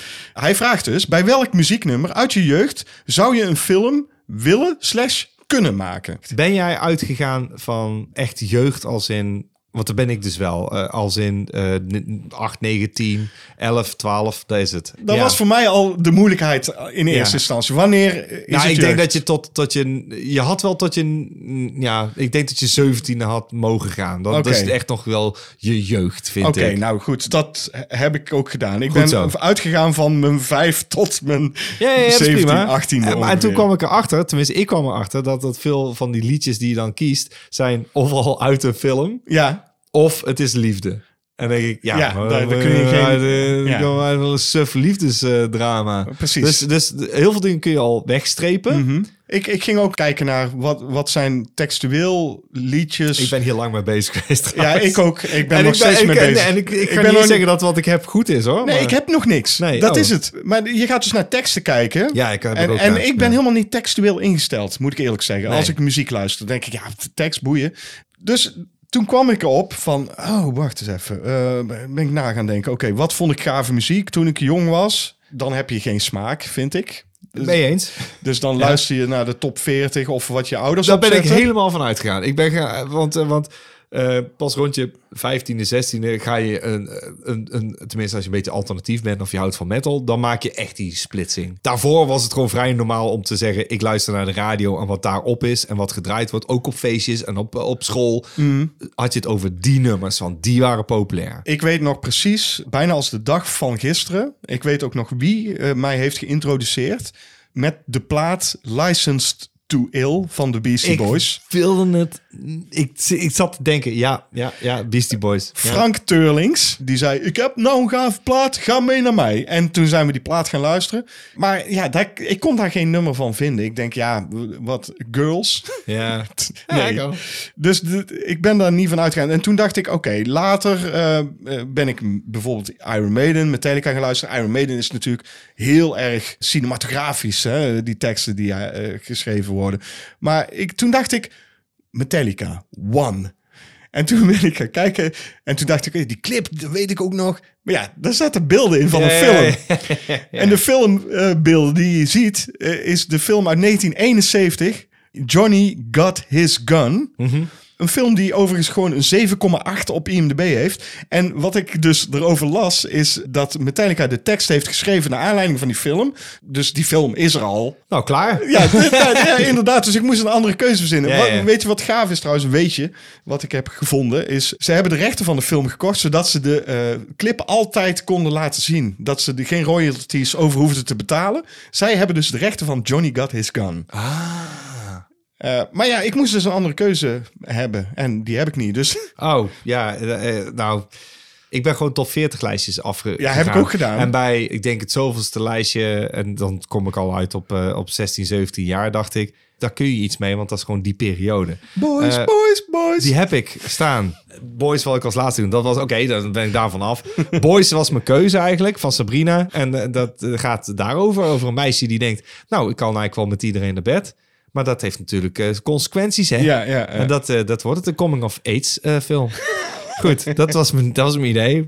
Ja, dat vind ik al goed. Ja, uiteraard, als, als eerste staat er ook Boys. Dat was het eerste wat ik, wat dacht ook. Ja, dat komt Ehm, ook omdat dat gewoon in ons hoofd geprent is. Uiteraard zit dat in. Sinds de movie gelul met vrienden hier ja, langs zijn en, en toen was ik tien, dus... De movie gelul met vrienden ja, zijn. de, Ik zat nog wel te denken, wat is nou een, een liedje wat mij... eh, Mijn vroegste herinneringen van een liedje wat ik gaaf vond... Ja. is van Zager en Evans. Het liedje eh, In the Year 2525. Oh ja, ja, ja. Als je die tekst gaat lezen... dan gaat het eigenlijk over eh, hoe de mensheid steeds meer evolueert. eh, op een gegeven moment ook hun ledematen niet meer nodig hebben en zo. Ja, ja, ja. Maar dan zit je al in 75, 75, want ze gaan steeds verder. Dus dat wordt dan een epische film Ja. door eh, al die eeuwen heen. Volgens mij loopt het tot het jaar 9510. Jezus. ja, nou, oké. Nou, dat, dat vind ik heel goed. Eh, Eerlijk, ik vind dat een hele goeie. En daar kun je heel veel eh, mee doen. Maar dat moet een hele lange epische film worden dan. Dat Ja, ik wordt een film van 6,5 uur. Over de mensheid. Over de mensheid. Volgende vraag is van Maarten J. Boer. Een vraag die we al heel lang hebben liggen. Oh, ik zie dat ik eh, iets dik heb gemaakt. Eh, eh, ik heb hier Last Christmas. Heb ik staan voor Wham. Het is de apocalypse. Voedsel is schaars. Brandstof is op. I gave you my heart. Ja. Dat iemand ook zijn hart eruit snijdt. Ja, dat is een cannibalisme. Dat is, en dat is Last Christmas. Dat is gewoon de allerlaatste kerst. Het laatste avondmaal. Oké, volgende vraag is van Maarten J. Boer. Een Ja. vraag die hij dus al lang geleden gesteld heeft. Van welke buitenlandse film zouden jullie het interessant vinden? Of juist helemaal niet? Nou, daar heb ik helemaal niet eens naar gekeken. Dat er, dat er een Nederlandse remake wordt gemaakt. Nou, ik zit sowieso niet op Nederlandse films te wachten. Überhaupt. Nou, de, we hebben onlangs een film... eh, jij hebt onlangs een film gezien die ik ook heb gezien. Waarvan ik al eerder heb gezegd... Als ze dat nou eens een keer deden in Nederland... Dat is het enige waarvan ik dacht... Dat zou je in Nederland ook hebben kunnen doen. En dan gaat het meer om het concept. Ja, je bedoelt Fall. Uiteraard. Precies. Nou, voor mij mag je wel gewoon zo'n conceptfilm maken op zo'n kleine locatie. Doe dat. Mhm. Ja, Is er wel- en ik heb niet per se een film die ik dan zeg, oh, maak daar een remake van. Nee, maar maak gewoon zo'n film. Nou, maar we vorige keer hebben we bijvoorbeeld eh, in de special Cocaine Bear behandeld. En toen zeiden we eigenlijk al van... Nou, ik denk dat Dick Maas hier best een goede film van had kunnen Nou, maken. dat is een perfect antwoord. Dat is echt een perfect antwoord. Dat had dus gekund. Maar Ja. dan met de, met de fucking leeuw. Ja, overigens, het volgende. Ik wilde Alex van Warmerdam aanhalen. Borgman is natuurlijk haast een film waar Parasite op gebaseerd is. Ja. Parasite die jaren later een Oscar won, heeft Ja, dat gewoon... ja. heeft dat gewoon van nou, Borgman zegt, holy gejat. shit, ja. Ja, die heeft dat gejat van Borgman. Ja. Maar eh, toen dacht ik... Het is gewoon een on-Nederlands goede film. Hou je bakkenslul. maar ik dacht wel, Alex van Warmerdam, die gun ik wel een eh, succesje met een film uit het buitenland. En Ja. toen dacht ik, er is een film die wij pas geleden hebben besproken in Cinemaatjes op youtube.com slash Dutch Nerd Club. Ja. Eh, namelijk Dead Man's Shoes. En ik denk dat Alex van Warmerdam daar een hele goede Nederlandse remake van zou kunnen maken. Dat denk ik ook. Dat is een heel goed antwoord. Ondanks dat ik geen liedje had, heb ik hier wel een goed antwoord op. Zeker. De volgende vraag is van Peter Patreon. Vanoof. En die vraagt aan ons. Die had trouwens overigens de prijsvraag gewonnen in de vorige podcast. Ja, dat wil ik even zeggen inderdaad. Hij heeft twee kaartjes gewonnen voor Cocaine Bear. En ik hoop dat hij de film hartstikke leuk vindt. Ik eh, ga en ervan uit. eh, genoten heeft. Ja, ik hoop het ook. En ik ga ervan uit ook wel dat dat zo Laat is. het even weten, Peter. Want eh, dat is wel leuk. Welke comic relief karakters vonden jullie absoluut niet grappig? Nou, klaar, Jar Jar Binks. Ik kon echt niks anders bedenken dan Jar Jar. Hoagie in Jaws 4. The Revenge.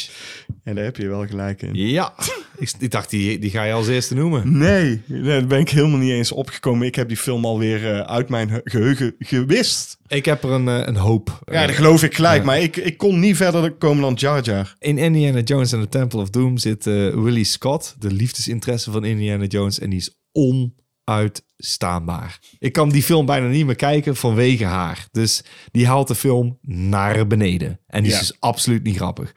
Ik heb ook problemen met Private Hudson in Aliens. Game over, man! Vreselijk eh, figuur vind ik dat. Bill Paxton. Ja, Vind je die vreselijk? ja, en ik heb waarschijnlijk eh, al eens een keer eerder gezegd, eh, toen ik het daarover had. eh, in Willow zitten natuurlijk die twee brownies. Die twee... Oh ja, die zijn wel irritant. Oh, die die ja, twee die kleine, worden- kleine mensjes. Ja, en die werden niet. Die, ik heb lijstjes er ook op nageslagen. Daar werden ze ook op aangehaald. Toen dacht ik, en dat is volkomen terecht, want die zijn onuitstaanbaar. Ja. En dan in tekenvorm natuurlijk Scrappy Doo en van de Thundercats Snarf. Ja dat, Snarf, snarf, snarf. Dat is het enige geluid dat hij maakt. Het is niet te doen. Oh. Je wil hem slaan of ophangen. Dat is het. goed, maar ja, ik ben niet zo in die tekenfilms gedoken. Nee, ik heb een, maar dat was mijn lijstje. Dat was mijn lijstje. Nou zijn we bij de laatste vraag. En die is van Everything Dies. Everything dies. Ik weet dat Everything Dies... eh, niet- Luistert. Ja, maar hij eh, luistert niet alleen naar onze podcast. Hij luistert ook naar de muziek van mijn bandje. oh. Daarom vraagt hij dit waarschijnlijk ook. Hij vraagt Favo album slash plaat van het moment. Ja, en eh daar komt hij dus bescheten uit. Want ik eh, luister wel naar metal, maar niet zo heel veel. Ik hou heel erg van indie rock, indie gitaarmuziek. Ik ook. Ik hou heel erg van vrouwelijke vocalen. En ik was dus laatst, inmiddels twee weken geleden ongeveer, helemaal flabbergasted door een eh, live optreden op tv bij The Late Show with Stephen Colbert. Is Ja. dat? Er is een live optreden van de band Big Thief en zij spelen daar een nummer wat nog niet is uitgebracht. En dat nummer heet Vampire Empire. En ik was er zo van onder de indruk. Ik heb dat nummer denk ik al meer dan twintig keer geluisterd inmiddels Oké. omdat ik echt, ik vond het gaaf. Ik vond het, ondanks dat ik niet echt textueel ben ingesteld, vond ik de tekst gaaf. Ik vond hoe het gebracht werd. Het kwam op echt bij mij binnen. Dus eh, dat vind ik altijd het belangrijkste. Ik moet een band ook gewoon live zien en dan moet ik gewoon, dan moet ik voelen. En ik voelde dit. Toen ben ik eh, eh, wat platen van hun gaan luisteren. En eh, een van de platen die ik nu heel veel aan het luisteren ben, is Two Hands. Maar dat is op dit moment de plaat die ik aan het luisteren ben. Ja, dat is toch gewoon een goed antwoord. Ja, Het is de plaat van het moment, want je bent hem aan het beluisteren. De- dat. Ja, Big Thief heet de band. Ik vond het een lastige vlaag. Vlag. Vlaag. Vlaag. Ik vond het een lastige vlaag. Bij vlagen lastige vlaag. ja, vond het een lastige vlaag. Ja, Ja, nee, ik vond het een lastige vraag. Eh, ja, ik vond het een lastige vraag. Ja, daar houden we er gewoon in. Ehm, ja, Vla- want ik zei vlagen, vlaag. Vlagen, vlagen, dan wordt het voortaan. dat zijn die Aziatische podcast. Nou worden we echt gecanceld. Vlagen, vlagen, vlagen. Dat is Duits bijna. Vlagen, vlagen. Anywho. Goed. Ik luister wel dingen, maar ik luister alles door elkaar heen. Maar ik heb wel wat dingen ontdekt het afgelopen half jaar waarvan ik denk...